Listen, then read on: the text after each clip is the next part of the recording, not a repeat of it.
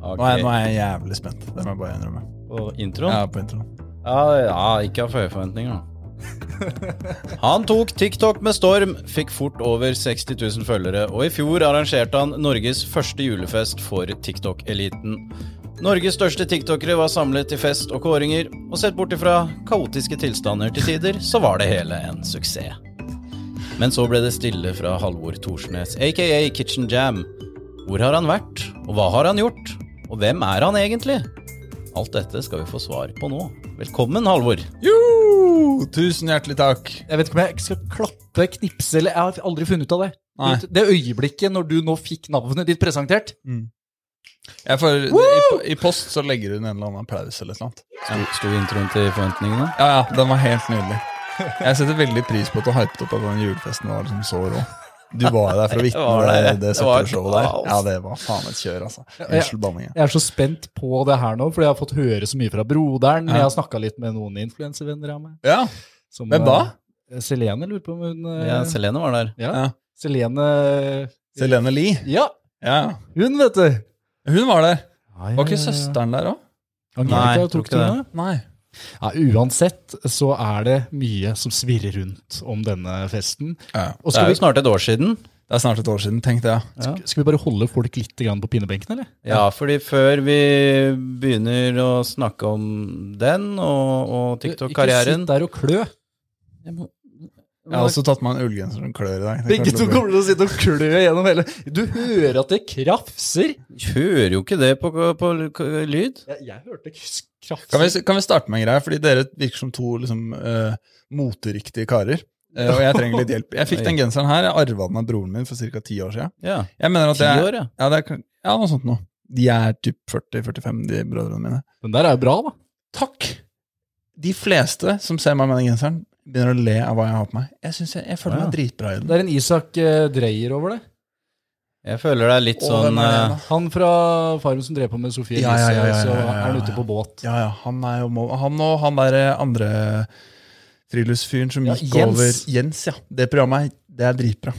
Ja, Jeg syns den er fin, jeg. Tusen takk. Tusen takk. Jeg vil bare skryte av genseren. egentlig. Kan godt få noen sånn tydelige shots. Har du sett uh, Low Actually, når han uh, fyren nettopp har uh, snakka med Keira Knightley, og så tar han på seg en sånn eh, genser med høy hals, og så også, sitter også, han den, og så går han fram og tilbake. Og, Og vet du hvilken låt som går? I am what I am. I do what I do. Og så And I Og så tar han sippen. I wanna go. I wanna Allerede føler jeg meg veldig komfortabel med å være her. Det, det her er Men det er en uh, liten sånn vibe over den genseren der. ja. Det er, så, det er så fantastisk at referansene våre Her møtes vi, broderen. Det eneste referansen jeg tar ute blant folk, det er Love Ja, jeg, jeg tror jeg så den for mange mange år siden. Jeg, jeg tar ikke referansen i det hele tatt, men jeg elsket det dere akkurat gjorde. Takk. Og apropos eh, referanser. Eh, vi, vi har tatt og bladd opp litt. Vi har, vi har sett litt på hva du har drevet med tidligere. Og før vi nå skal komme oss til denne store festen og finne ut av mysteriet julebordet TikTok Nå snakker vi cliffhanger her. Det Ja. liker jeg. og den, den cliffhangeren. Mysteriet. Mysteriet. Eventyret. Ja, skal vi ta den nå? Nei, nå må vi holde oss i tøylene her. Sorry. Jeg skal Du skjerpe meg. meg. Du også blir Du er så gira på synging om dagen. Mysteriet Ja, du har googla Halvor, og jeg sitter og ser på noen bilder fra Hva finner du når du googler meg? Jeg kan late som jeg ikke har googla meg selv. Sånn at du kan forklare meg hva som står der. Ja, altså jeg, jeg, jeg tenker at dette er en perfekt måte å bli kjent med deg på. For i 2016 så står det i Østlendingen, og det er moderavisa til meg og broderen hjemme i Elverum. Den avisa har jeg skrevet en del i sjæl òg. Ja, Og i 2016 kjøpte du et småbruk i Løten. Som 23-åring så inviterte du hele bygda til festival. Konsertlokale i låven osv. ja, ja. 2016? 2016 var året. Men du er da ikke fra Løten? Jeg er ikke fra Løten. Nei, jeg eh, er fra Ryenkrysset, eh, Oslo. Flytta ut til USA etter videregående for å studere musikk. Og så da jeg var ferdig der, så hadde jeg brukt opp alle penga jeg hadde spart opp til. å for der var det ikke noe studiestøtte eller noen ting. Men så var jeg keen på å fortsette med musikk, og det eneste som hadde faglærer i musikk, for jeg var ikke god nok til å komme inn på utøvende på Musikkhøgskolen, det var eh, faglærer på Hamar eller i Bergen. Og så ville jeg ikke flytte til Bergen, fordi det er bare regnere. Mm. Og Hamar er litt nærmere Oslo. Så hadde jeg hørt mye sånn røverhistorier om hvor jævlig det var som Oslo-gutt å flytte til Hamar. Fordi Innlandet har- ser ganske ned på Oslo-folk. Nei men jeg, jeg gikk inn i det og tenkte sånn Ok, men her må jeg bare Her må jeg sette meg inn i hvilke toneleir, hva slags dialekt det er og sånne ting. Bare late som jeg ikke har noe tilhørighet til Oslo. Det gikk strålende. Og etter et år så kjeda jeg meg på Hamar, og da kjøpte jeg meg småbruk i Løten. Ja, For du tok eh, utdanning på Hamar? Ja, tok treårig faglærerutdanning der. Da kjøpte jeg meg småbruk i Løten. Ehm, Det er rart å gjøre som en 23-åring. ja, jeg kjøpte Dette høres jo veldig flåst ut, men jeg kan bare fortelle det som det er. Jeg fikk hjelp hjemmefra til å enten kjøpe leilighet i byen eller eh, kjøpe et eller annet da Når jeg var ferdig studert i USA. Så da sto alternativet med å kjøpe liksom en 30 kvadratmeter i Oslo. Um, Men jeg gikk for å kjøpe meg et hus på Hamar som jeg leide ut til studenter. Og så med betjeninga på den utleia så fikk jeg lånt å kjøpe det småbruket. Så derfor kjøpte jeg meg småbruk. Så på det småbruket så var planen å drive festival og podkast og alt mulig tull. Um, hvis du har lest eh, alle sakene fra Østlendingen, så skjønner du at det har skjedd litt greier på det småbruket. Ja, Både med sveisen og at du, du lagde jo festival. Ja, Du inviterte hele bygda. Du mangler en viktig detalj. Fant du deg dame fra Løten? Nei, det småbruket endte i retten. Så jeg har vært i fire års rettsprosess med salg av dette småbruket da jeg På skulle selge. ut, ja. Ja, skulle selge eh, fordi jeg kom inn på master til slutt da, på Musikkhøgskolen. Og da skulle jeg selge, for da kjøpte jeg meg leilighet i byen. Eh, og så klagde de som kjøpte på fukt eh, rundt pipa på loftet. Lang, veldig lang historiekort. Så eh, vant jeg i lagmann, nei, tingretten, tapte i lagmannsretten, anka, så skulle det opp i Høyesterett. Men advokaten hadde eh, en sånn trykkfeil i dokumentet som skulle inn til Høyesterett. Så de bare blankt avslo den, og den var muligheten vi hadde. Hvem sin advokat var det da som hadde gjort feil? Min advokat. Så tapte du til slutt? Tapte til slutt, så Å, gikk jeg til sak mot eh, megler og inngikk forlik med DNB. Ok. Men eh, Tapte du mye penger, eller hvordan gikk det? jeg tapte forsinkelsesrenter og diverse kostnader med å ha det i fire år ekstra. Mm. 1,9 millioner ca. Så det var deilig penger å bli kvitt. Du, du satt vel relativt greit i det som eh, student i Hamar, da, når du kunne kjøpe deg en kåk og leie ut til Jeg, jeg satt mye bedre i det da enn jeg gjør nå. eller noen gang. Ja, utleie var eh, veldig fint. Jeg, jeg var nok litt ivrig da og dytta inn litt mange studenter i det huset. Så de, jeg syns litt synd på de Du studentene. er en av Hai, haiene, dem, ja. Ja, ja, jeg var en av de haiene. Du, ok, så, Men eh, du hadde et par festivaler, eller? Hvordan Ja, det? det starta med en idé i 2013. Da jeg slutta på videregående, så fikk jeg lov til å ha festival på hytta til mutter'n og fatter'n med venner. Og Den kalte vi Bryggerfestivalen, for vi hadde et bryggerhus. Og så i 2016 ville jeg ta opp dette på denne, dette småbruket oppe i Løten. Første året så var det ganske low-key, som ungdommene sier, med ikke så kjente artister og alt mulig, og veldig moro. Eh, gikk ca. i null. Neste år, 2017, tenkte jeg nå må vi satse. Så da fikk vi inn Ravi, nummer fire, Mikael Paskalev. Eh, det var noen flere. Knut Anders Sørum, hvis dere kjenner til han. Om vi kjenner til Ja, han, da. Stjernekampvinner 2016, kanskje? Noe sånt nå? 15? Ja, ja, Toten. Toten. Eh, En av Norges beste sangere. Eh, det gikk i dundrende underskudd. Ja. for det var jo ingen For de skulle jo ha betalt. Ja, de, de skulle ha betalt, det er greit nok, men eh, ingen, ingen lokale i Løten vil møte opp på en musikkfestival arrangert av en Oslo-gutt. Ja. Så um, da var det bare vennene mine som dukka opp. Og han ene fra Løten som dukka opp, han ville komme inn gratis, for han kom ganske seint på kvelden. Så det, det gikk ganske ræva. Hvor mange Men det var, dere til sammen da? Vi tipper vi var 130 stykker innom, jeg. Det er mange venner, da. Veldig mange venner. Så um, jeg tror ikke jeg har Det er ikke mange. nok til å gå i pluss på en sånn festival. Nei, absolutt ikke. Så, men det var, det var veldig veldig moro, og lærte massevis om arrangering. og sånne ting. Jeg syns det er grisemoro. Så det er derfor jeg lagde det julebordet òg, som vi skal prate om etterpå. For jeg savna det litt. Um, men ja, det er ikke så veldig vanskelig å arrangere sånne ting. Men det koster ganske mye penger hvis du ikke får det til å gå rundt. Uh, og det Derfor syns jeg det står respekt av folk som klarer å få kulturarrangement til å gå rundt. Men det vi skjønner, da, eh, er jo at du er en eh, fyr som virkelig har litt sånn driv til å starte ting med musikken i, i bunnen der. Du har lyst til å få til å Du kjøper småbruk, du lager festival. Det går i underskudd, men det går allikevel. og Det virker som og det, den tendensen jeg ser her, da, fordi etter det her så skulle du plutselig starte opp en eh, en kolonial, altså Halvorsens kolonial, en kulturkafé i Oslo også. Ja. ja, jeg har en tendens til å øh, øh, få veldig De trenger ikke nødvendigvis være gode, de ideene, men de må være en idé som jeg har tro på. Uh, og da er det ingen som kan stoppe meg, og det er litt synd. Uh, og det begynner jeg å lære meg nå, at det, det, det, det er bra å lytte til litt andre folk. For det har vært noen ideer opp igjennom, men jeg tror det starta med at jeg fikk lov til å ha ganske mye fester hjemme da jeg var barn. Eh, ikke barn, ungdom. Eh, med, Hvor tidlig? det var ganske seint, jeg har gått på kristen privatskole og bla, bla, bla, så det var ikke liksom, vi var ikke så tidlig ute. Men den ene regelen var at jeg ikke fikk lov til å drikke. Eh, Da fikk jeg arrangere. Jeg syntes det var mye fetere å arrangere enn å drikke. Så da hadde vi bare fester og sånne ting hos meg, og så sto jeg og skrubba gulvet hele søndagen. Eh, Og dette gjorde vi ofte, og det syns jeg var moro, for jeg er en fyr som liker oppmerksomhet. Så at folk setter pris på at jeg arrangerer ting, det syns jeg var helt konge. Så det er egentlig der det stammer fra. At jeg liker å lage ting som folk sier sånn 'Å, fett at du gadd å stelle i stand de greiene her'. En fri oppvekst. Så ja, ja. Ja, ja, ja, ja. Til, til en viss grad. Og muligheten da, til å ta En imot fri gjester. vek- oppvekst innenfor kristenkonservatismen, men eh, vi tar det Hvordan derfra. gikk det med Kulturkafeen, da? Kulturkafeen eh, For det er ikke så lenge siden. Nei, det jeg kjøpte etter at jeg flytta fra Innlandet, alt sammen, det greiene i Løten løste seg med noe forlik og eh, litt andre greier, så kjøpte jeg meg en, en bitte liten bygård på Kampen i Oslo, eh, som jeg betalte blodpris for. Og så var planen å ha arrangementer i første etasje, for det var næringslokale i første etasje, og så var det en leilighet oppe.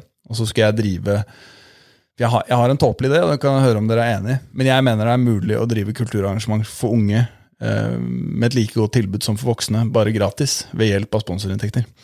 Eh, så det var grunnideen.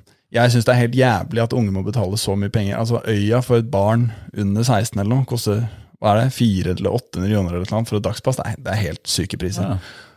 Og det syns jeg er bare helt sjukt, at det er liksom kulturtilbudet til barn og unge. Så min idé var at det er mulig å lage utstillinger, konserter, alt mulig, som drives av På samme måte som influensere jobber, da.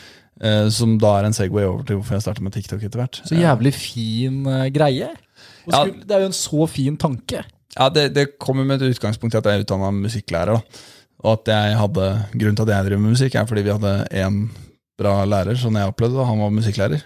Og det gjorde hele oppveksten min på skolen, for jeg klarte ikke å følge med, eller jeg klarte ikke å lese hva ræva i alt, unntatt musikk. Der fikk vi lov til å utfolde oss. Så den opplevelsen har jeg vært litt keen på å gi tilbake, uten at jeg helt har klart det. Eh, Så ideen på kampen der var å drive akkurat det. En, en eller annen kulturaktivitet eh, hver dag i forskjellige typer former, og drive innhold fra det som skjedde på, i det lokale. Og at det genererer nok attention til at uh, selskaper eller annonsører er keen på samarbeid. Ja, det var planen. Og her ja. sa du opp lærerjobben. Der sa jeg opp i våren 2021, ja. Og, og, og gønna på. Ja, da, da sa jeg opp, og da hadde jeg spart opp nok penger til at jeg trodde jeg skulle klare meg ved å investere penga og leve av avkastningen, litt som oljefondet. Bare at oljefondet kan det de driver med. Det kan Ja. ikke jeg. Ja, det, er, ja. det, er, det er en fordel å kunne litt om fond og aksjer. Ja, det er litt sånn utgangspunkt, eller litt utfordringen med Jeg vet ikke om jeg skal skylde på ADHD eller personlighet her, men jeg har noen ganger liksom overdreven stor tro på egne evner. eh, og i det så gjør jeg antageligvis litt dårlig research i hva som skal til for å faktisk få til noe. Det kan jo reflekteres i alle prosjektene jeg har starta som har gått til helvete. Sistnevnt er det TikTok-opplegget. Og i det så um, har jeg nå endelig begynt å klare å overføre den grundige jobben jeg la i musikkspillinga, gitarspillinga og det greiene der over til andre deler av livet. da, eh, Og tatt ting litt mer seriøst, om det er innhold eller om det er prosjekter og sånne ting. Og da, da begynner det å løsne litt. Men det kulturprosjektet her, eller investering på børs, eller sånne ting, det, det burde jeg nok tatt seriøst litt før. For at det kanskje skulle være bærekraftig. Så hvordan gikk det med den kafeen til slutt? Tre uker. Ja, den eh, Det er jo Jeg vet ikke om jeg skal prate så mye om det greiene her. Det var noe familiært som gjorde at jeg måtte selge. Ja. For det, gikk egentlig veldig bra. Ja, det gikk jævlig bra. Det er viktig å få fram. Ja, det gikk egentlig jævlig bra, og det var masse kule arrangementer. Det gikk eh, på en eller annen mystisk måte rundt. Eh, for vi fikk også litt leieinntekter på tider hvor jeg ikke brukte lokalet. Som gjorde at det gikk eh, greit, men utfordringen her er jo um, noe familiært med noe greier, eh, og derfor måtte jeg kvitte meg med det. Ja, så sånn var det. Og den derre rettssaken med det greiene i Løten. Ja.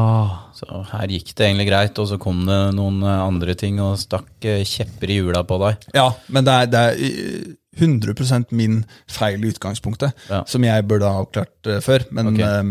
Eh, eh, det er lett for meg å sitte og si 'fy faen, hvorfor gjorde du det', eller uh, 'rettssystemet er fucka'. Men det, hadde jeg bare ikke gått til sak, eh, så hadde det vært rydda opp i for fire år siden. Så hadde jeg vært ferdig med det. Så det er, det er min feil i greiene her. Men det, det, det, var, det var kanskje det eh, Til sammenligning med den runden jeg har vært gjennom nå, som vi sikkert skal gjennom etterpå, eh, og grunnen til at jeg hadde vært borte fra TikTok, så var nok det den største nedturen, for det var et prosjekt jeg virkelig brant for. da. Ja, dette var litt sånn eh, core-prosjekt for deg. Ja. Litt sånn Ja. hjertebarnet. Ja, så den satt litt langt inne. Men du eh, skal tilbake til noe sånt eh, igjen, tenker jeg. Ja, vi får se, da. Nå, nå broderen, nå, nå har vi liksom begynt å plassere deg. Ja, nå begynner vi å kjenne Og det er noe ADHD her også? Det er noe ADHD her. Fordi fordi- du, det er noe voldsomt driv. Ja, det ble, ble utreda i fjor høst. Jeg har jo hatt en mistanke lenge, men så visste jeg ikke at det var medikamenter som faktisk fungerte i dette greiene her. Så derfor tok jeg utredning i fjor. Um, det var fint å få avklart at det var um, ganske høy grad av det involvert. Um, og det er masse jeg har lært av det, og jobbet uh, mye med meg selv og med psykiater og diverse for å skjønne hvordan huet mitt er skrudd sammen, og, og grunnen til at jeg gjør som jeg gjør. Og dette hyperfokus og mangel på konsentrasjon handler ikke om, men det er plassering av konsentrasjon og bla, bla, bla. Men det få snakker om, er konsekvenser av denne medisineringen, som også har vært en ganske sånn brutal runde å gå gjennom. For det virker bare som det er oppside at du plutselig klarer å konsentrere deg. Men utfordringen for en person som aldri har klart å konsentrere seg, er at når du begynner å konsentrere deg, så klarer du å legge merke til detaljer. Og det har du aldri lagt merke til før. Så hvis jeg var en ganske large person som hvis du sa et eller annet litt frekt, da, så ville jeg tenkt at det var litt lættis før. Men hvis jeg hadde gått på masse medikamenter, så legger jeg merke til en detalj, og så tolker jeg kanskje det litt negativt Oi. i det du sa, og så er det positivt i jobbsammenheng, fordi da kan jeg få gjort mye mer eh, og mer nøye, da, eller klare å konsentrere meg over en lengre periode. Men i samtale, enten om det er med kjæreste eller familie eller venner, eller sånne ting, så blir du en helt sånn fucka fyr, fordi du klarer ikke å la ting gå, eller du blir opphengt i noe du sier eller gjør som ikke har noe betydning i det hele tatt. Så disse medikamentene for min del, og for noen jeg kjenner, har hatt en, en ganske sånn destruktiv funksjon sosialt. Så nå er jeg veldig forsiktig med når jeg tar det. eh, Hvis, sånn som i dag har jeg ikke tatt noe, åpenbart. Ja, det her funker jo veldig bra. Ja, er ikke helt konge i dag? Det er A-game er på i dag. Ja, jeg er på i dag. Jeg skjønner, så dette er ganske Du komplekst. kan da. henge deg opp i det som egentlig er en sleivete kommentar eller en spøk eller Ja, det er litt vanskelig å forklare, men det, er, det, er, det kan være det. Og så kan det være at um, Hvis jeg hadde tatt i dag, så hadde jeg nok blitt veldig opphengt hvis vi hadde en samtale om et eller annet på Som jeg starta å snakke om i stad, Vårveien, Benveien opp på Ryen. øhm, som ikke er interessant i det hele tatt. Så ville jeg ikke kommet meg videre fra det i like stor grad. Fordi jeg opplever at det er veldig viktig for å få frem poenget. Men det er jo ikke viktig i det hele tatt. Så du klarer ikke å se helhet i like stor grad. Eller det vil si, jeg, det er min erfaring med det. Ja. Så kort oppsummert så er jo vi har alle inn, samme inntrykk i et rom, mens folk med ADHD har lavere terskel for hva som slippes inn. Så hvis du prøver å konsentrere deg om hva jeg sier nå, så vil en fyr med ADHD bli lettere distrahert om han klør seg i genseren, eller om det rister i armbåndet mitt, eller et eller annet sånt ting, enn de som ikke har ADHD. Så Litt det- som eh, Sherlock eh, Holmes, egentlig. Han er sånn eh, hyper, for han ser Han blir helt gæren av det. Ja, det er mange likhetstrekk med autisme og ADHD. Eh, For han er litt sånn eh, mot autisme. Ja, retningen der. Um, men i det så Det denne medikamenten eller medisinen gjør, er at de øker denne terskelen. Sånn at du plutselig har mulighet til å konsentrere deg om én ting. Og det er veldig positivt hvis jeg sitter og klipper eller skal skrive manus eller sånne ting. Men der kom utfordringen da. Så det var bare for å gi en uh, bedre Spennende å høre om. og du, du har fokusert veldig mye på TikTok. Eh, Når, når var det det starta? Og det var kanskje før du fikk medikamenter? Og, Men... Ja, Det starta etter at det Kampen-prosjektet gikk til helvete.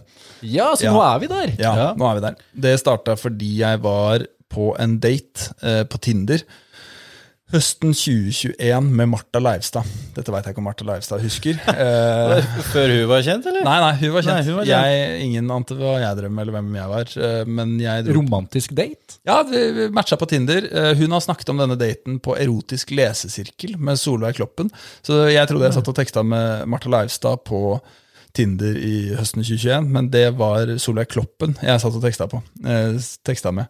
Eh, det er veldig funny. Gå, inn- gå Hva, hva er det du sier nå? Altså, Ja, Var det Solveig Kloppen I det som programmet? ja. hadde tatt over Tinderen til Martha Leivestad? Jeg skal spole tilbake skal jeg fortelle historien på en bedre måte. Jeg var på Tinder høsten 2021 før jeg fikk meg dame. Eh, det som skjedde da, var at jeg matcha med Martha. Eh, eller jeg lika henne på kvelden, for jeg syns det er lættis. Jeg digger Martha. Hun er dritfunny. Ja, ja. Det er morsomt å bli bedre kjent med henne. Og så morgenen etter så våkner jeg at hun har lika meg òg, og at det er en match, og at hun har startet en samtale. Og så sitter vi og har en samtale som er ganske lættis på Tinder på morgenen der. Og så viser det seg i senere tid, som jeg ikke visste da, eh, men da jeg møtte henne første gang, over en pils, at eh, da vi teksta, så satt hun i podkastinnspilling med Solveig Kloppen og hun andre som er med i Erotisk lesesirkel. Ja, ja, Og ja. det var Solveig Kloppen som satt og teksta eh, med meg den morgenen der. Ja. Så sånn gikk det. Men Martha hadde ett godt poeng fra den, det stevnemøtet eller vennedaten eller hva det var. Og det var at eh, TikTok er mye mer effektivt enn de andre plattformene. Så da jeg drev med dette Kampen-prosjektet, så hadde jeg litt sånn YouTube-innhold, litt Instagram-innhold, litt TikTok-innhold. Jeg prøvde å spre utover alt. Helt umulig, for det er jo så hinsides mye jobb å drive med sosiale medier. yep. Hvis man skal være til stede på alle plattformer. Så der dreit jeg meg ut, men da jeg la ned det Kampen-prosjektet, da dukket den greia Martha sa, at det er TikTok som er best. TikTok er mest effektivt. Så da tenkte jeg ok, men nå kan jeg enten starte å jobbe igjen, og liksom gi opp noen drømmer og selvrealisering og alt det greiene der, eh, eller så kan jeg gi det ett siste forsøk med det TikTok-greiene. Og da var utgangspunktet at jeg gikk veldig strategisk til verk og uh, fant ut en nisje som alle interesserer seg for, eller lignende, og prøvde å gå så bredt ut som mulig, som da var mat. da. Kitchen jam. Der er vi i gang. Men Wow! hvor kom eh, kitchen var, Ja, det er fordi du spiller gitar og jammer litt mens du står på kjøkkenet, var det sånn? Der er du god. Ideen var akkurat det. Ja, Få en litt, litt sånn Heine Totland? Ja, litt Det nærmer seg noe. Sånn. Bare mangler kvaliteten i alle ledd, for min del.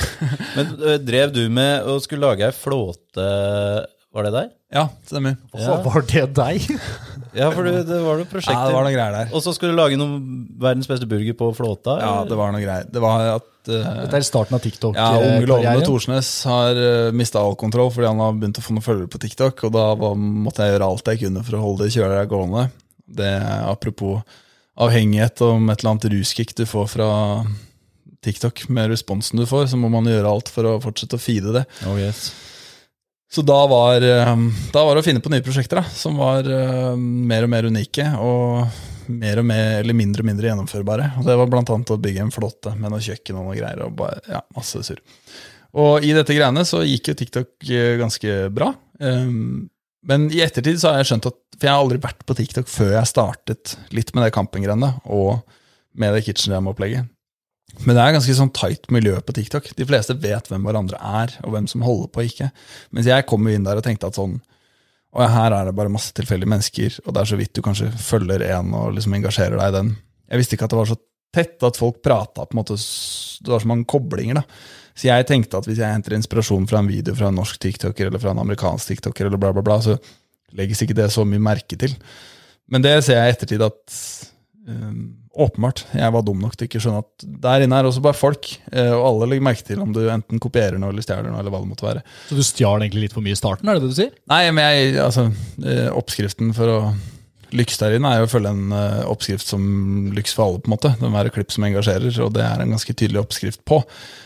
Og da er det jo gjerne sånn, det ser man med alle som lager innhold fortsatt, at det er ganske mye likhetstrekk, i hvert fall, i det folk produserer. Ja. Men du fikk eh, over 60 000 relativt fort, gjorde du ikke?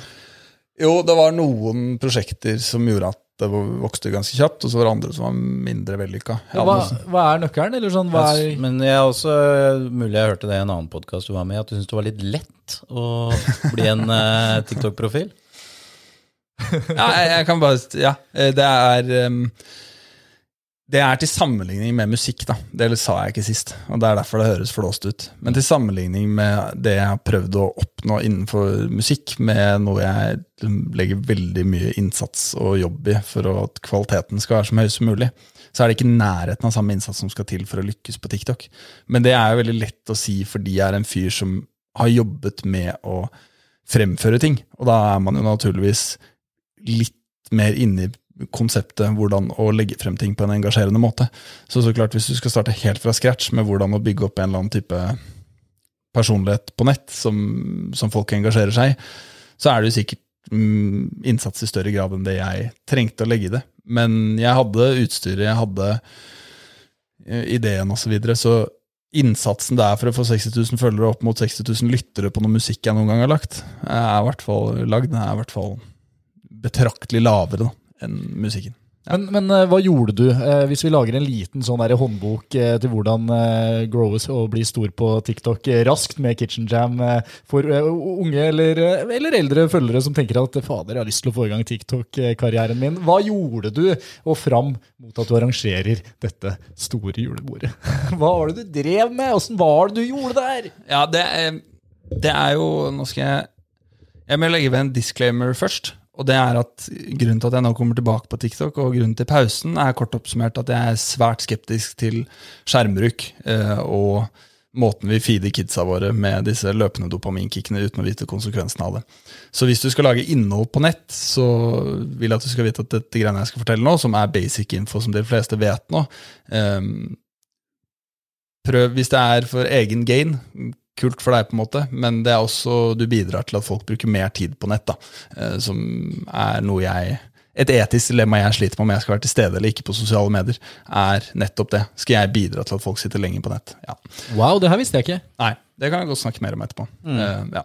Men først så skal du gi fasiten. På du hvordan- ikke, ja. ikke gjør det her. Ikke gjør det her. Eh, Du må enten lære bort noe, eller så må du få folk til å le, eller så må du gi noe unikt. Eh, Og i form av det, så må du, Hvis du skal se bra ut, da, eller få noe unikt på plass, så må du gjerne ha noe unikt. Om det er en location, om du skaper noe folk ikke har sett før. Som Birk Ruud gjør det svært fordi han kan gjøre ting ingen andre kan gjøre på ski eller med kroppen sin, og derfor er det interessant å se på. Ha et eh, utrolig talent som ingen andre har. Ja, godt utgangspunkt. Vær verdensmester i noe, basically. Og hvis du ikke er det, sånn som meg, eh, langt fra det i noe som helst gren, så må du lære bort noe, eller være underholdende på en eller annen slags måte. Eh, og i det så er jeg lærer, så da var utgangspunktet at å lære bort noe, det, det har jeg noen metoder som kan funke, og derfor gikk jeg for det.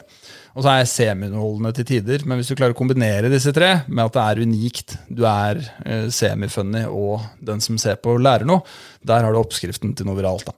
Ja, Så sånn er det. Ah, Det beste så- man kan okay. gjøre f.eks. I, i, i, eh, hvis man skal lage en ny TV-serie. Hvis du klarer å kombinere og informere, engasjere og underholde. Ja. Har du vært på kurs selv? Nei, men jeg, jeg kom på det nå. Nei, men hvis du, hvis du, jeg fant på og hvis du klarer det, det gjelder jo både på når det kommer til litt større TV-serier, men også små eh, klipp på TikTok. Ja. Så her har du på en måte, som du sier, broderen, veldig bra, de tre der. Og så det å følge det, men samtidig tenkte du litt sånn teknisk, algoritmer, tenkte du hvordan lage videoene, eh, tempo, er det noe sånn man kan ta med seg? Ja, det er en ganske tydelig oppskrift på dette. Eh, Dette koker det ned til én ting, og det er storytelling. Eh, Og det handler om å Ja, det er hyggelig å få folk til å le, men mest av alt så ønsker vi mennesker å føle oss koblet på uh, andre. Det ligger i vår natur. Så hvis du klarer å fortelle en historie som er engasjerende, så er det det beste. Det ligger masse info på nettet om hvordan å bli bedre til å fortelle historier. Jeg er ikke noe god på det i det hele tatt. Utgangspunktet der er at du må jo på TikTok i hvert fall ha et uh, hook som er ganske interessant, som gjør at du er keen på å se mer, hvor du stiller et spørsmål eller vekker noe interesse.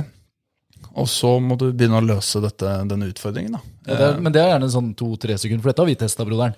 Få den Ja, der når du har liksom en Vi føler vi har et minutt kanskje med en gjest som er en fantastisk historie, eller uh, noe som f folk burde være interessert i, så, så må vi bare ta det aller beste og legge det først. Sånn at du bare blir hekta én gang, Ja. sånn at du ikke sveiper deg videre. For det er så fort gjort å bare kjøre neste Så hvis du, da sier du for eksempel, det her må dere ikke gjøre, Jo, jo det, det, er, det er og så begynner. ja, ja, det, ja, sånn, ja. Nå skjønte jeg det. Ja, jeg, Du trodde, derre- jeg trodde du mente eksempelet mitt, at det må dere ikke gjøre. Uh, nei, ja, ja, jeg skjønner. Ja.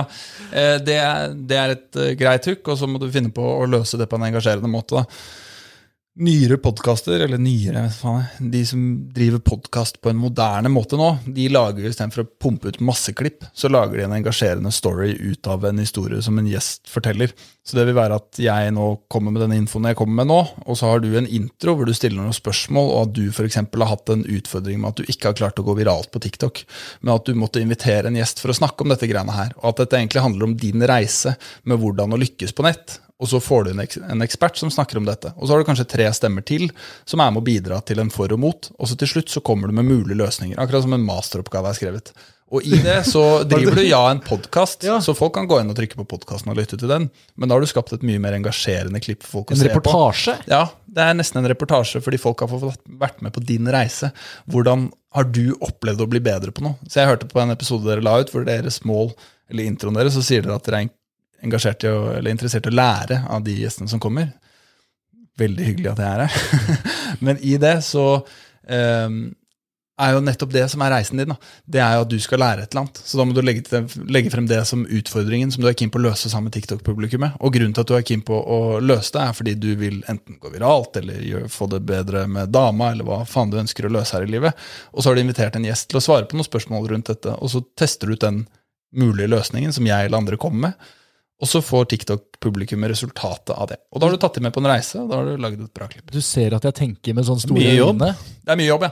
Men uh, der er jo spørsmålet kvalitet eller kvantitet på TikTok, og det er veldig mange som går for kvantitet, og det har jeg også gjort ofte, og det er fordi plutselig er det noe som går viralt. Plutselig har du en gjest som klarer å snakke Ja, ja. engasjerende og lage noe et klipp som går bra, men de gangene jeg har faktisk hatt stor vekst, det er når jeg har tatt med folk på en reise. da. Uh, ja. Men det her åpner opp en dør i hodet mitt. Det er det jeg elsker med de podkastene her. At vi prater med folk, vi inviterer over. Og plutselig så Det du sier nå, for min del, litt sånn Oi, dette har jeg ikke tenkt på.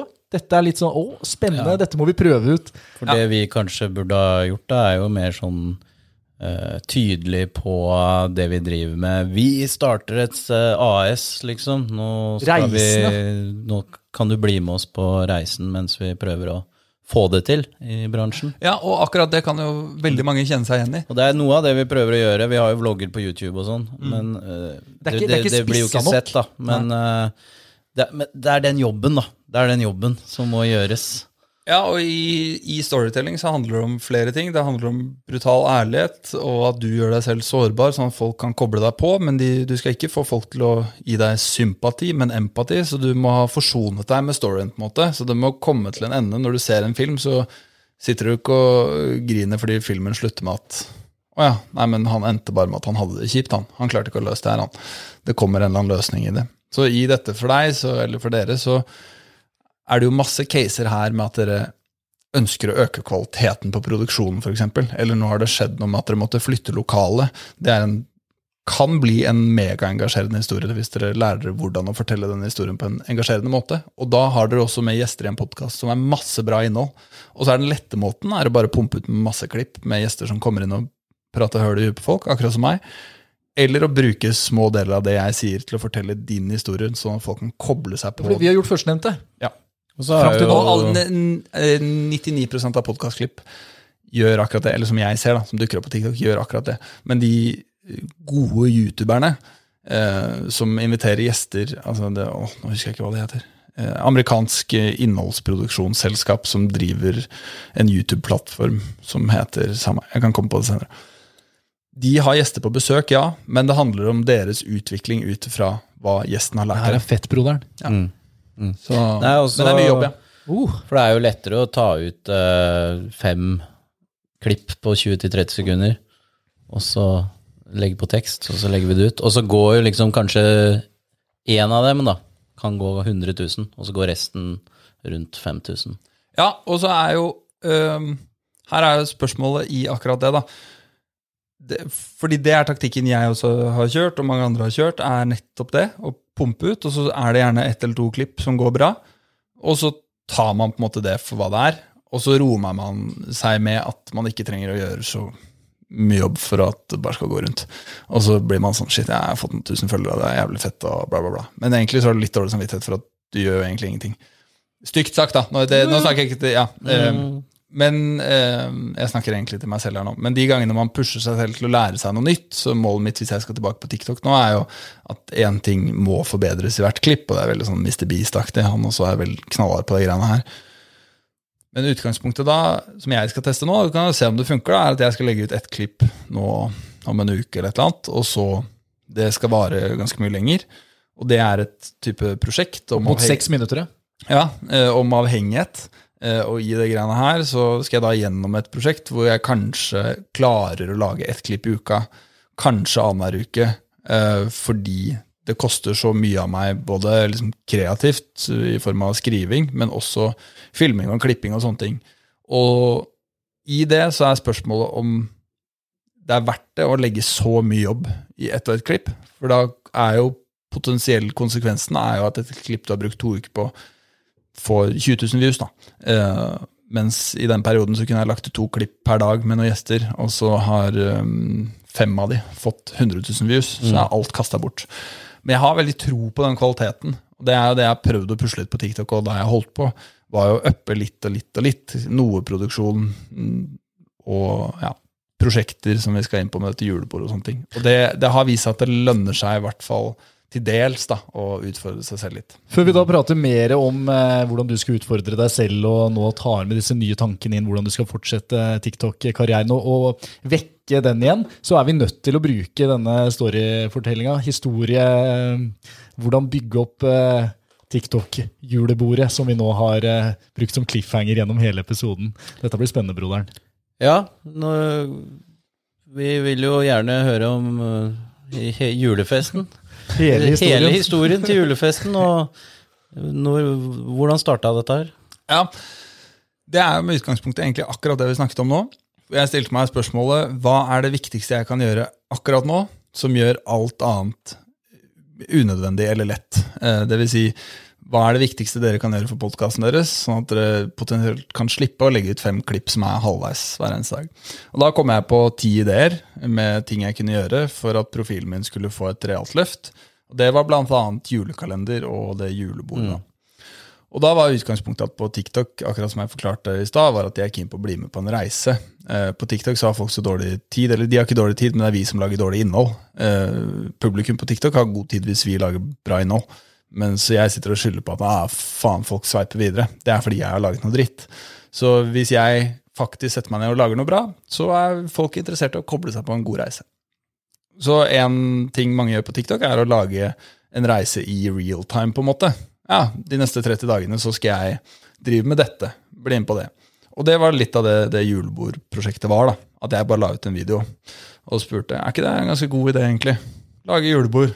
Invitere noen tiktokere. Og så fikk folk være med på å se hva det var. Og det var såpass unikt at det funka ganske bra. Og så skapte det ganske mye hype fordi det handlet om alle profilene på TikTok. Og det ble mye snakk om hvem som var invitert, ikke invitert. Det, altså, ballen begynte å rulle uten at jeg egentlig trengte å gjøre så mye. Jeg tror jeg lagde tre klipp om det før midten av desember. Og allerede da så var det det folk snakket om, da, av det som skulle skje. Selvfølgelig snakket de om alt mulig annet òg, men det var liksom en hype før jul, var dette julebordet. Og så var det masse av disse kule gutta som syntes dette ikke var kult nok, for det var mange som ikke var like kule som de, som var invitert, og så ble det en greie ut av det, og så syntes jeg det var lættis, øh, og, og så var jeg antageligvis litt såra fordi de kule gutta var litt for kule for meg, og så bla, bla, bla.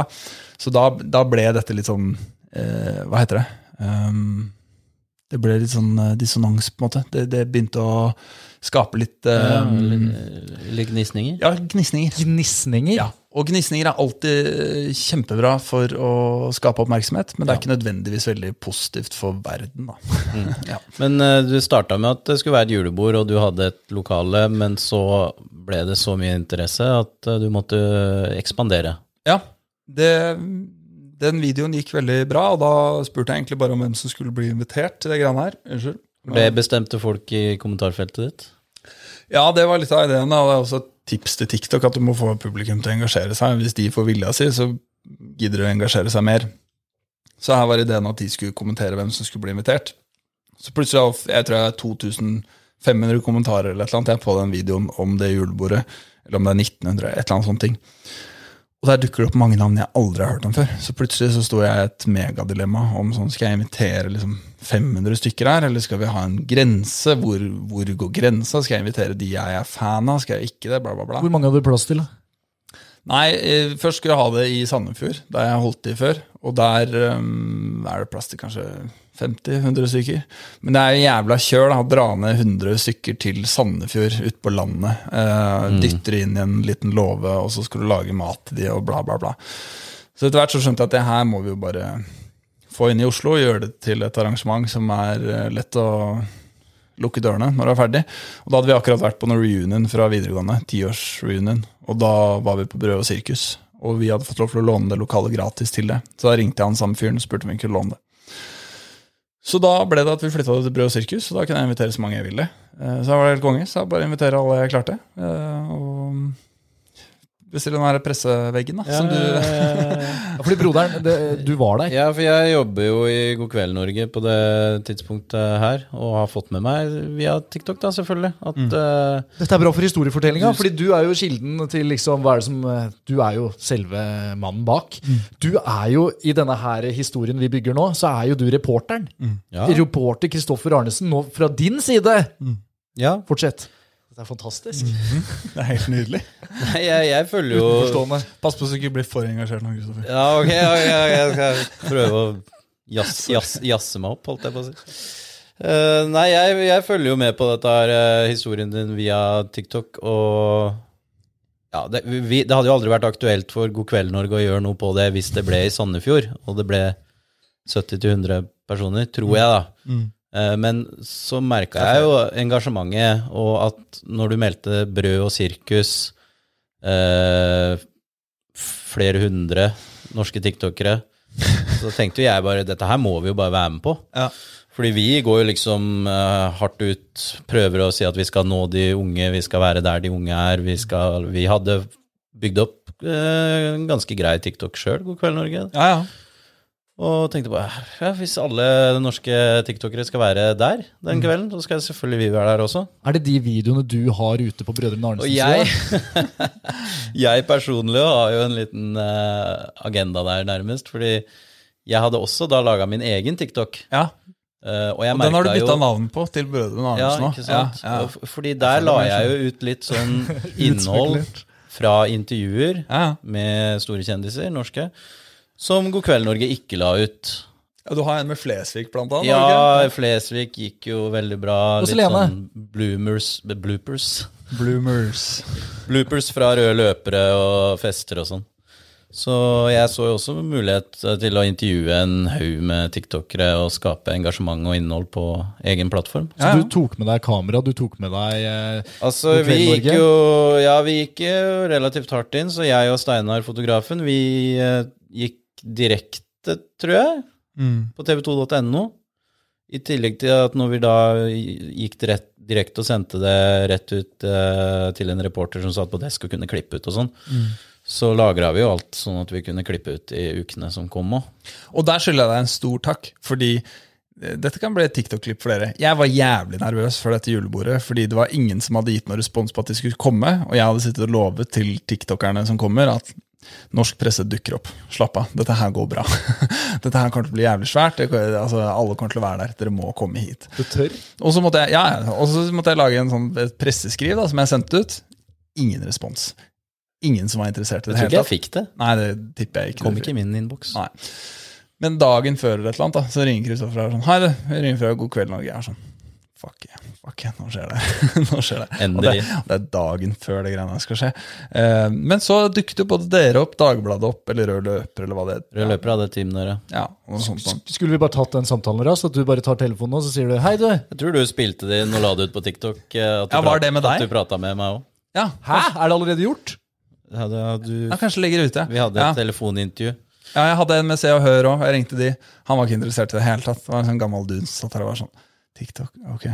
Ja, nei, men Fint, bare send, bare send det til desken, så prates vi. Hørte aldri noe fra dem. Så det ble mediedekning, og du fikk litt napp der når broderen eh, begynner å ringe? Og... Ja, han var redningen. Altså, Idet folk ser kamerafolk som står der med God kveld Norge, den derre mikken, Ja, vi hadde en poster òg. ja, ikke sant? da blir jo alle selvsentrerte tiktokere, inkludert meg selv, blir jo sånn Jeg er viktig, nå er jeg på et viktig sted. Slapp av, det går bra med meg. Livet ordner seg. God kveld, Norge er her. Det er veldig, kanskje litt spesielt å få den følelsen av at jeg står der med God kveld og mikrofonen. ikke- men Nei, ikke det jeg, skjønner, jeg, jeg skjønner det. Ja, ja. Som, Det så- som utenforstående i denne historien. Og eh, hvis vi caller tilbake, da. Jeg har vært musiker som aldri har fått det til hele mitt liv. Og så har jeg gått på en feide hvor jeg har klint til på TikTok, solgt sjela mi til helvete, på en måte. Og så skal jeg lage den dritten her, hvor plutselig masse profiler dukker opp som er like usikre som meg, som står der, og plutselig så bare Ja, nå er Presse-Norge her. Fuck yeah. Vi, Vi gjorde det, liksom. Og det er fullstendig shitshow. Men det er jo så kaos, fordi jeg har eh, vært på mange røde løpere de siste årene. Mm.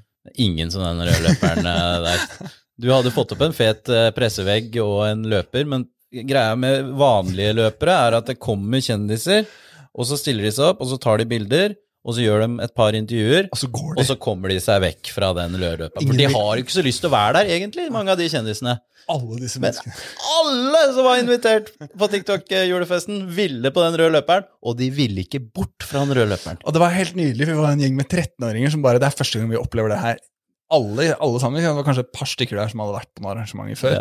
Og de bare Hva faen er det som skjer her? Så vi, altså, jeg, jeg tenkte sånn, for jeg played det cool, lot som dette ikke er så stort, så jeg bare går bort til hjørnet her. Men da vi hadde arrangementet, så sto det jo vel så mange foran rød løperen mens programmet gikk, fordi de bare digga å være på rød løper. Og alle har jo sin egen publiseringsplattform, Ja, ja. så alle er jo live på sine egne kanaler, ikke sant? Ja, ja. Så det ble jo et eh, For vi hadde jo da en eh, fotograf der òg. Det var jo veldig vanskelig arbeidsforhold for fotografen vår på rød løper. Men, men uh, ja, jeg, vil bare si, jeg vil bare si tusen takk, da. Det, det, det, Ja. det, var, det, var, eh, det var mye av deres uh, tilstedeværelse og rød løper og sånne ting som jeg tror gjorde at folk var sånn Shit, det her er faktisk et arrangement. Dette er ikke bare en dude som bare har Mm. satt sammen noe Jo, men bare sånn, Går det bare bra nå, eller kommer vi i denne historien til et sånt vendepunkt hvor det er sånn Og så smalt det. Ja, det, uh, Smalt det? Smellet er vel at opplegget Jeg har brukt kanskje en måned på å skrive manus til de ulike prisutdelerne, inkludert meg selv. og For det var ting. priser? Ja, det var priser. Det var på en måte en award. Kitchen Jam Awards heter greiene her. For å få inn navnet mitt for å gratis promotering og bla, bla, bla. I det så tenkte jeg sånn shit, dette kommer til å bli rørende, og jeg skal ha en liten feide om at jeg syns det er for mye alkoholeksponering for unge folk, og kåle ut noen fyre på det, og bla, bla, bla. Men folk holder jo ikke kjeft. Det er ikke mulig å snakke der inne. Det var Altså, ikke lett å høre, nei. Nei, det er, det er ikke det er, Hvor mange var det der? 200-300 stykker? 300 stykker? Må i hvert fall ha vært det. Og Ja. helt sjåka hele underetasjen på Brød og sirkus. Ja, Si det er 300 stykker, da. Ingen holdt kjeft. Under noe som helst tidspunkt holdt noen kjeft. Henrik Schatvedt, som nå gjør det svært på TikTok med komedieting, han skulle ha standup. Ingen hørte hva han sa. Han, han står der, han får null respons. Var det lydanlegget, da, eller var det Nei, nei, ja, det, det bare Lydnivået der inne eh, bare Det er som at jeg skal stå og skrike inn i øret ditt fordi jeg har noe veldig morsomt å si. Bare at 300 stykker gjør det samme. Det er 300 ekstremt eh, Bra mennesker. egosentriske Ja, bra mennesker, i rommet mennesker som liker å prate høyt, da. Ja, ja. Men, men altså, sånn er det jo, tiktokere. Og det var helt nydelig å sende live der, for kommentarfeltet var jo like ille. For de satt jo bare og hata på alle idiotene som sto i salen, mens de idiotene som sto i salen, var bare sånn Nå har vi the time of our lives. Vi er på et eller annet event, og vi bare koser oss. Så jeg, jeg storkoser meg jo. Jeg Men har- Når du står i midten der, og så følte du deg som liksom eh, Da var du sjef, eller? eller Ja, jeg var, jeg var ganske ferdig idet det greiene her starta. Det var liksom starten på, på min lille knekk som jeg har vært igjennom. Men den, den starta nok idet folk slapp inn dørene der. så, så det var Ja, jeg sto på scenen og hadde forberedt noe kostymeskift og bla, bla, bla. Men det var bare nå, nå må vi bare bli ferdig med de greiene her. Så må vi få folk vekk. Så jeg dro hjem. Programmet var ferdig klokka ni eller halv ti eller noe. Da dro jeg hjem. Og etter det, det er litt funny, for de som da var litt for kule til å dukke opp underveis i programmet, de kom etter det. Så da kom alle de der eh, Jeg skal ikke nevne navn. Så de turte å dukke opp etter hvert. da. Men eh, du tok jo et Hey. eh, oppgjør eh, Jeg vet ikke om du hadde en sånn finaletale, eller eh, Du tok i hvert fall et lite oppgjør med Oskar Westerlin. Ja. ja, jeg har litt Ja. Jeg har hatt en liten, eh, en liten greie med han, og det er egentlig ikke han, men konseptet han driver med. Ja. Eh, og Oskar er jo den, så vidt jeg kan forstå, mest hardtarbeidende eh, innholdsfyren sammen med han Gjølle i landet. Det er så mye som pumpes ut, vet du. Det, Ja. Tenk på det, at eh, her må de ha mange folk til pumpene for å Ja, nå få ut husker jeg ikke her. siste intervjuet, men om de er 11-12 stykker i team eller et eller annet. De er, det er megaimponerende, det de driver med. Den kritikken jeg har retta mot de, som jeg ikke har fått frem på en god måte, er innholdet og og publikummet, eh, og at det kanskje er en liten mismatch der, da. At de er så unge, og at eh, man fronter eh, Hvis vi gjør det helt enkelt. Ja, det var jo kanskje enda mer alkohol før på Ja.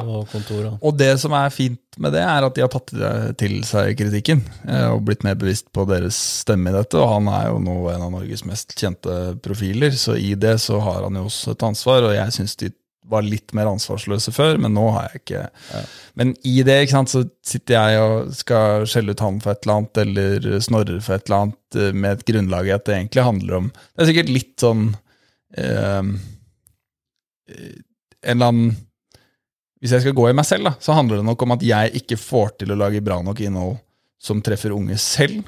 Så egentlig så handler det om usikkerhet i meg selv, og så tar jeg det utover at jeg er sinna på at de gjør noe som jeg syns er feil.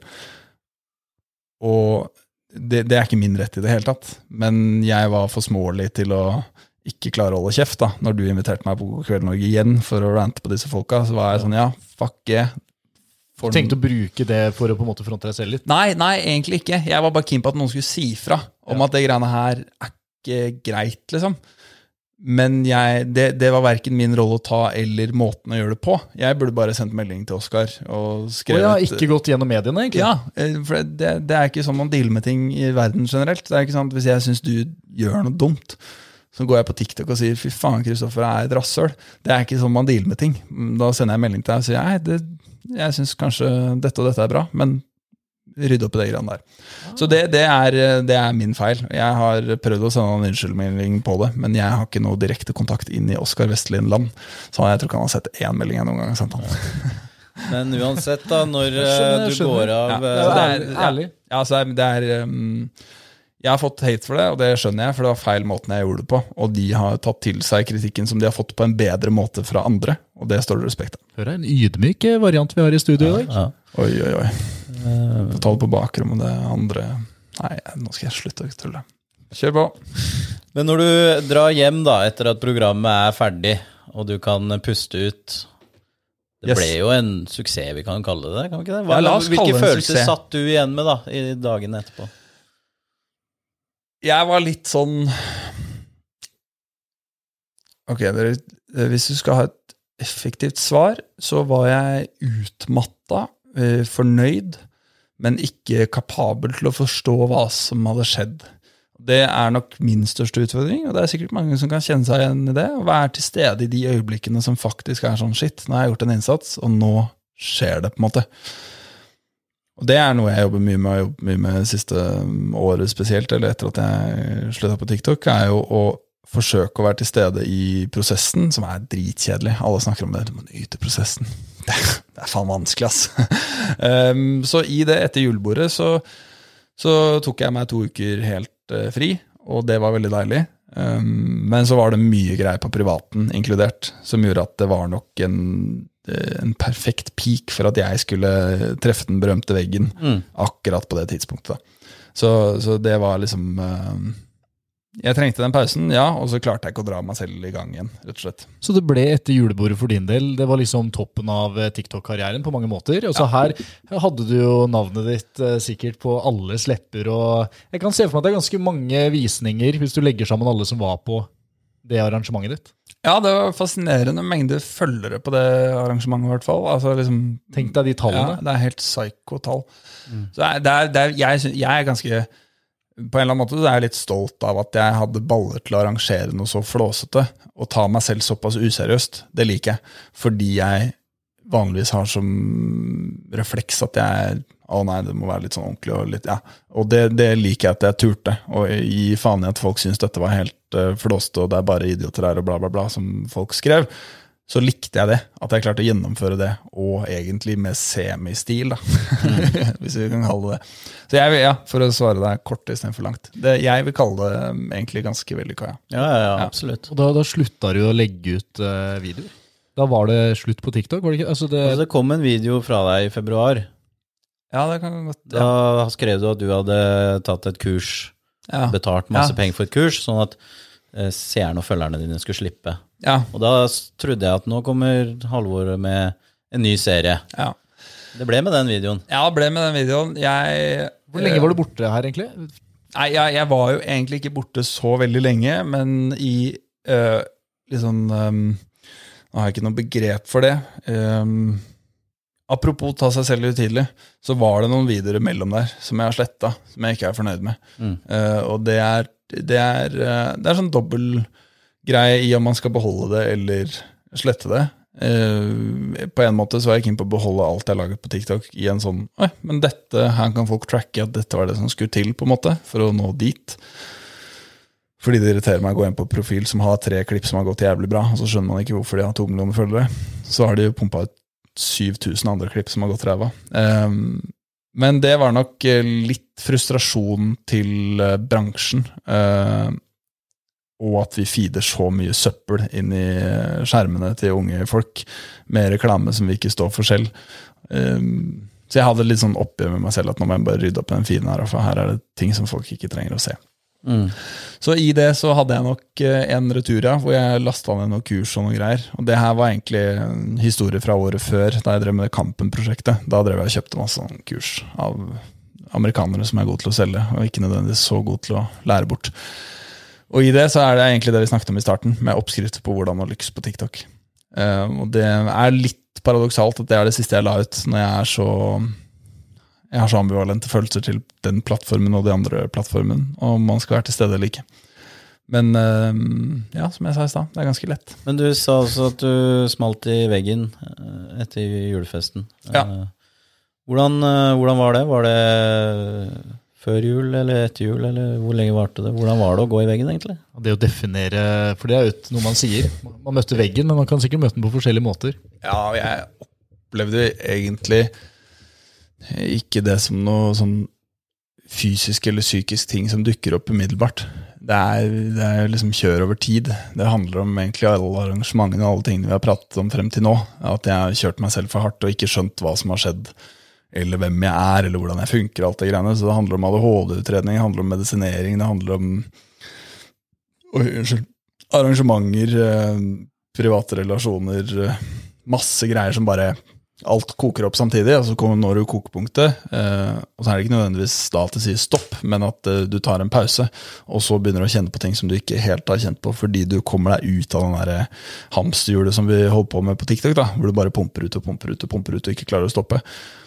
Og Idet du kommer litt ut av det, så var reaksjonen for min del sånn hva, hva, hva faen er det jeg driver med her? Hva er det jeg liksom bidrar med? Ja, jeg starta på TikTok fordi jeg ville drive med musikk og kultur og litt mat og sånne ting.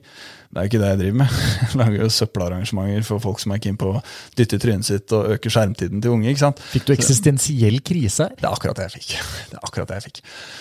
Og den eksistensielle krisen har jeg vel hatt eh, hele livet, tror jeg, men den pika nok der. Eh, og det i, Den største tingen jeg har gått gjennom, er nok eh, Eller i meg selv, i hvert fall, er nok den realiteten om at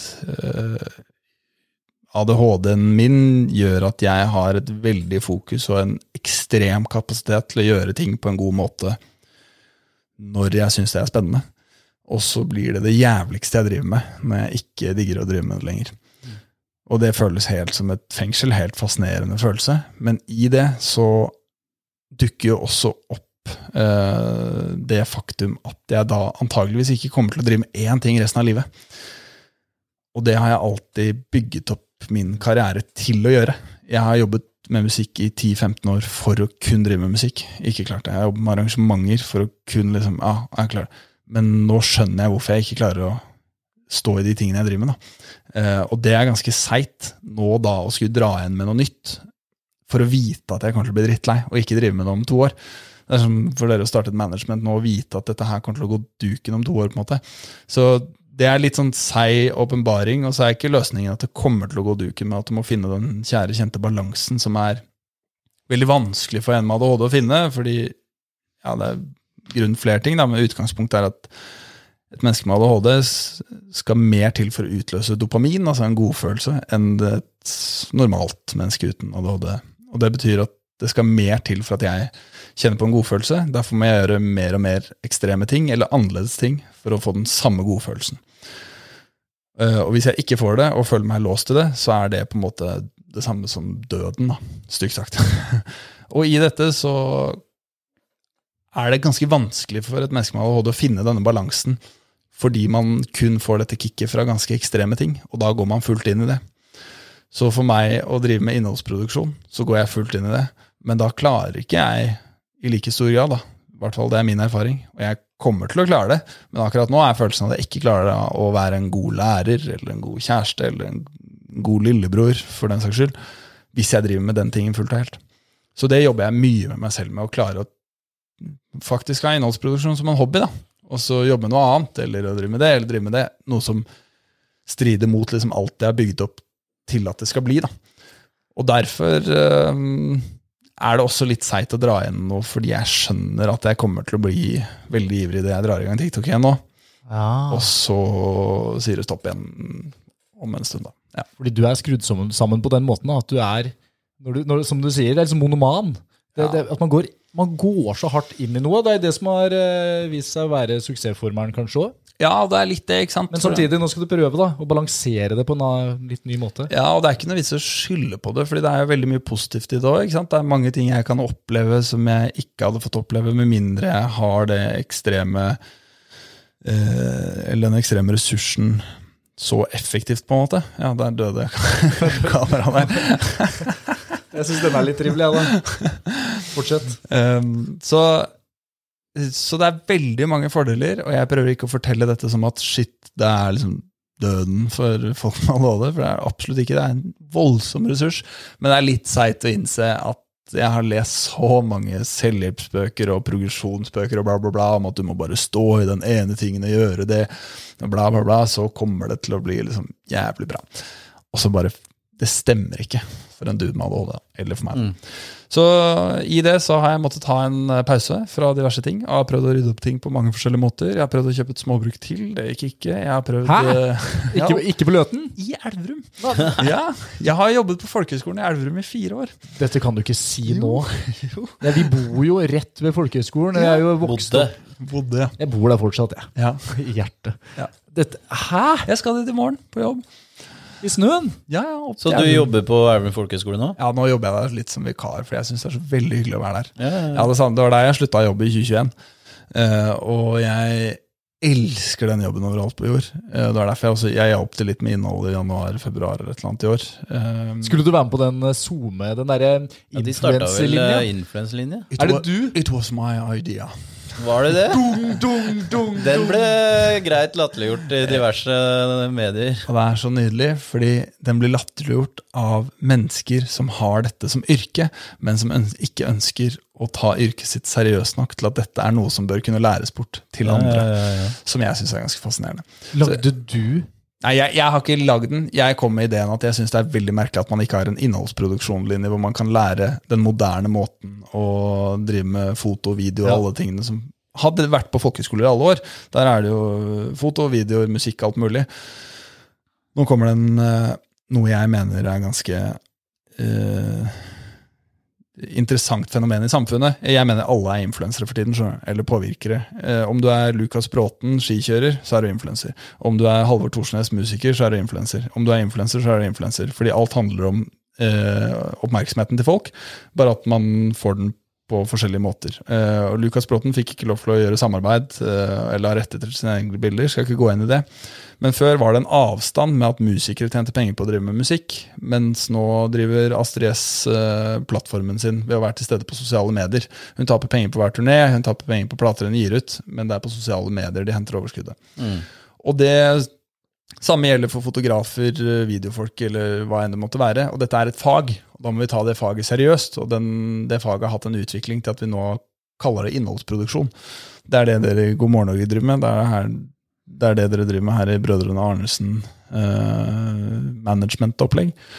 Og derfor mener jeg at man må ta det faget eh, relativt Ja. seriøst. da. Alle er jo redaktører i eget liv nå, eller sånn. Ja. Det hørtes jo når du sa det på den måten at det var en innholdsproduksjonslinje. Ja, og så de- hadde, kalt, eller hadde de kalt det det, så hadde det vel ikke fått samme reaksjoner som influenselinje. Ja. Jeg kan innrømme at jeg var veldig mot å kalle det influenselinje. Ja. Men de ville ha litt hype, og de fikk den hypen de ville. Og så mm, Jeg satt på P3, ja. Og vi fikk den overskrifta rett inn, og vi fikk noe pressegreier på det, og da, da, vi, det- var snakkis i lunsjen, altså. ja.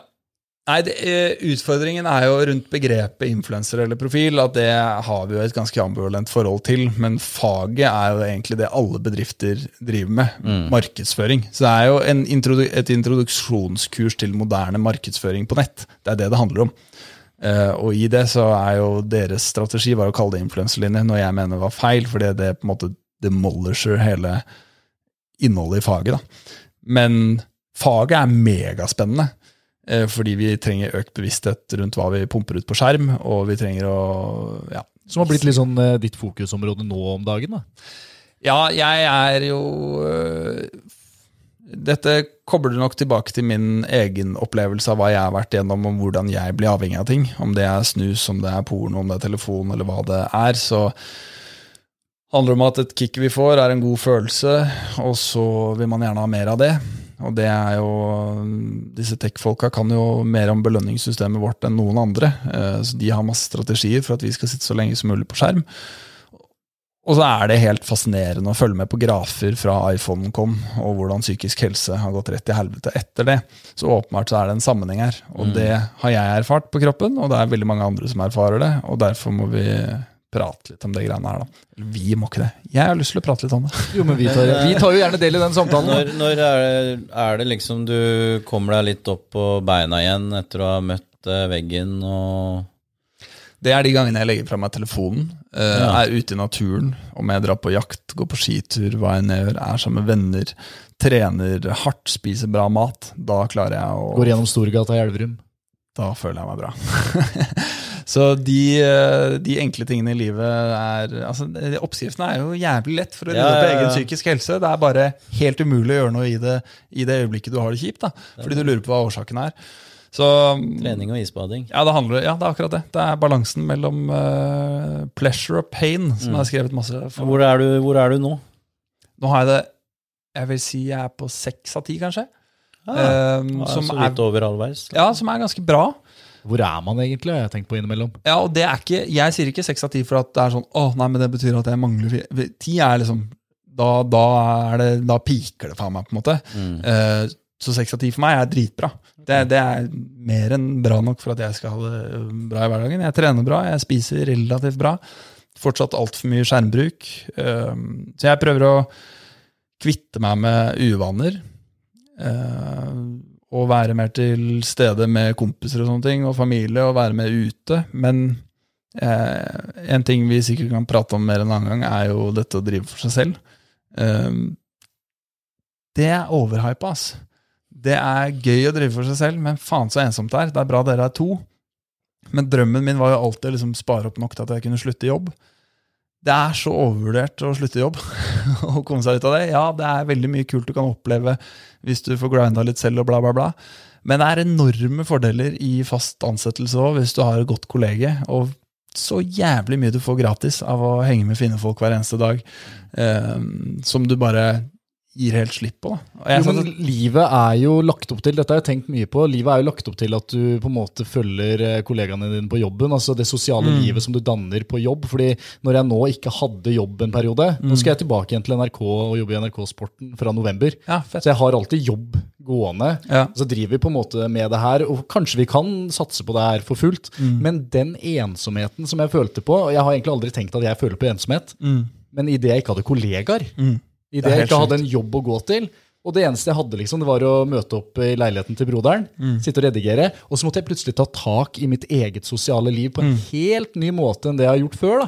For da hadde jeg liksom, ja, ok, da må jeg begynne å sortere. Hvem er det jeg har i Oslo? Mm. Fordi jeg får ikke den derre på onsdag så skal vi ut med jobben. Mm. Eller på Det er, helt, det er helt fascinerende. Jeg har vært ute av jobblivet i to og et halvt år, da, og med diverse prosjekter som har gått i dass, så jeg har ikke klart å bygge opp heller et kollege på en måte i det. Så jeg, jeg, jeg må tilbake i jobb. Det er derfor jeg også drar til Elverum for å dra på jobb. For å være der, for jeg bare Endelig noe liksom gratis input. Du henger med kids som vil være der, stå på ski, gjøre masse morsomme ting. Bra kolleger etc. Så det er, eh, det er litt sånn underkommunisert, føler jeg. For det er veldig hype rundt at det er så utrolig bra å bli økonomisk fri og komme seg ut av rabbit hole eller hamsterhjul eller hva det heter. Og det er sånn Ja, det er, det er kult, det. Og det Du prøver egentlig å komme deg inn i Ja, det, vi, Hamsterhjul igjen. På en god måte. vi undervurderer hvor fint de, de små, enkle tingene i livet er, tror jeg. Ja. Men eh, på, vi nærmer oss jo slutten her. Comeback på TikTok. Ja, Blir det noe av det? Ja det er uh, i loopen. Jeg skrev ferdig manus. Ligger på 6 minutter og 16 sekunder eller noe. Så nå skal du prøve det lange, langt innhold. Min yndlingsplattform er YouTube. Jeg syns YouTube er helt fantastisk. Eh, TikTok går litt fort for meg, og jeg føler meg ræva hver gang jeg logger av. Mens YouTube, hvis jeg er streng med meg selv, så sitter jeg faktisk igjen med noe etter å ha vært der. eh, og folk har litt bedre tid. Så jeg skal prøve å lage en video som jeg tror kan treffe eh, på TikTok. Og så er det min feil hvis den ikke treffer, for da har jeg ikke lagd den engasjerende nok. Men jeg har veldig lyst til å utforske YouTube eh, etter det. Er det noe sånn Norwegian Mr. Beast? Nei, det er Nei. Det, nei.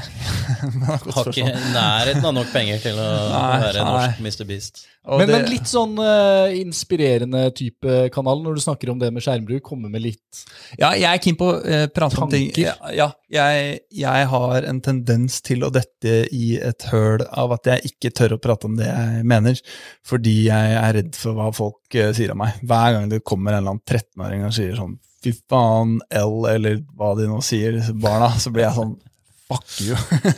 det, jeg, det, folk kan gjerne si sånn ah, det går ikke inn på meg at folk skriver ting om meg. Det dreper meg. Common Kitchen Jam L. ja, ja. Akkurat den der. Så i det så uh, har jeg nok uh, godt av å For jeg, jeg, jeg, jeg mener jeg er sånn semioppegående, og at jeg har noen ok poenger å komme med. Og det er ganske mange interessante ting jeg har lært i den prosessen jeg har vært igjennom nå, og som sikkert en 30-åring kanskje kan hjelpe en 20-åring med å liksom, våkne på et par ting. Og så har jeg fortsatt masse å lære, og i det så er den beste måten å lære er å teste kunnskapen. Det er liksom toppen av læringshierarkiet, at du klarer å lære det bort. Så derfor er jeg keen på å faktisk eh, pushe meg selv til å mm, lage litt mer, hvor jeg snakker litt mer fra levra og om ting jeg engasjerer meg i. da. Ikke bare genetiske ting som Eller generiske, heter det. Generiske ting. genetiske Genmo- Genmodifiserte ting som gjør at eh, Ja. Nei, Og der! der sitter den. Jo, men broderen, Ja, ja. vår gode Kitchen Jam-venn her. ja. Der er vi! Der er vi. Da har vi, Det er ikke mer som skal til. Jo, men det er Da har vi kommet Ja. oss uh, fram til uh, et uh, heidundrende comeback. Ja, det, det kommer når det kommer. Uh, og jeg var dum nok til å Jeg var og trente sammen med han styrketreneren. Nå vet jeg ikke når klipp fra dette her kommer, men jeg, da var jeg dum nok til å si en dato når det første klipp kom. Og da sa jeg 15. november. Det kommer ikke 15. november. For jeg nekter nå, fordi det var feilen jeg gjorde sist, det var å love ting som ikke er sant. Ja. Så det var løgn. Jeg starta med en løgn igjen. Det kommer når det kommer. Jeg tror det er innen 15. november. Jeg kan ikke love noen ting. Vi gleder oss i hvert fall. Det har vært veldig inspirerende å uh, snakke med deg, Halvor. Dæsken, altså. Her sitter jeg igjen. Jeg skulle ønske at den samtalen her bare kunne fortsatt. Men det er sånn, vi har ikke nok strøm til det her. Jo, men for en samtale. Jeg, men dette sier jeg til hver samtale. Ja, det gjør han faktisk. Men, men i dag er det Kristoffer sier sånn, ja, det var helt ok. Nei. Nei, sånn, fy faen. I dag er det Det er det annerledes. jeg har opplevd. Det er, det er Jeg vet ikke, jeg går ut her Jeg, ny jeg er en ny mann! Men ikke er en sitt der og tull. Du mener, mener ikke du at En det sånn her Jeg syns det er en fantastisk En helt sånn helt mediocre fyr i 30-årene fra Ringkrysset kommer, og du er sånn Fy faen, dette er det sjukeste jeg har opplevd. Jo, men jeg syns akkurat nå i mitt liv så er den samtalen her Den ga meg masse, så takk. Oi, så veldig fint. Men det er noe med å gå ut av sin egen podkast og bare hylle den praten du nettopp har hatt. Fy faen, så bra jobb vi har gjort i dag. Jeg hyller jo ikke Ja, så helt helt her er nok den beste podkasten Jeg hyller ikke oss. Jeg hyller jo han, som kommer med all informasjon og Jeg, eh, jeg syns du skal hylle oss litt òg. Ja, jeg hyller dere. Ja, men jeg- jeg glemte å stille dere masse spørsmål, da. men jeg, jeg elsker Altså, jeg har jo vært med i to eller tre podkaster, og det er Altså, Det finnes ikke mer selvrunking enn det greiene her, hvor jeg kan bli invitert til sted hvor jeg bare kan sitte og fortelle sånn Nei, jeg er ganske spesiell. Det er ganske mye kult jeg har opplevd i mitt liv, som folk kan lære av. Som bare er bullshit. Så jeg, altså, jeg digger jo det greiene her. Så jeg beklager for at jeg ikke har vært et ordentlig menneske i den samtalen her og stilt dere spørsmål. Har du tenkt på det at podkast, når du sitter som gjest, ja, det er veldig sånn unaturlig samtale? ja, det er helt psyko samtale. Det er ikke bra i det hele tatt. Så det er helt sånn urealistisk eh, opplegg. Men vi eh, ønsket det i denne samtalen i dag, eh, hvis Yes. noen har lurt. Oi, oi, oi. Ja, Tusen hjertelig takk for meg. Takk for at du Lykke kom, til med prosjektet deres. Big stories, ikke kjappe klikk. God Vi jul! skal prøve. Vi skal prøve. god jul. Oi, oi, oi. Oi, oi, oi. Jo, men jeg, jeg blir så gira, jeg. Den her er på Der klarte det på Du skulle tro at jeg bare tuller, altså, men jeg syns det er så Nei, men Det er veldig hyggelig. Jeg merker det engasjementet. Og jeg, jeg kobler meg på det. Jeg setter pris på det. Jeg syns også det var veldig bra. Brødrene, brødrene Arnesen. Kom igjen, broderen! Brødrene, brødrene Arnesen. Nok jingle nå.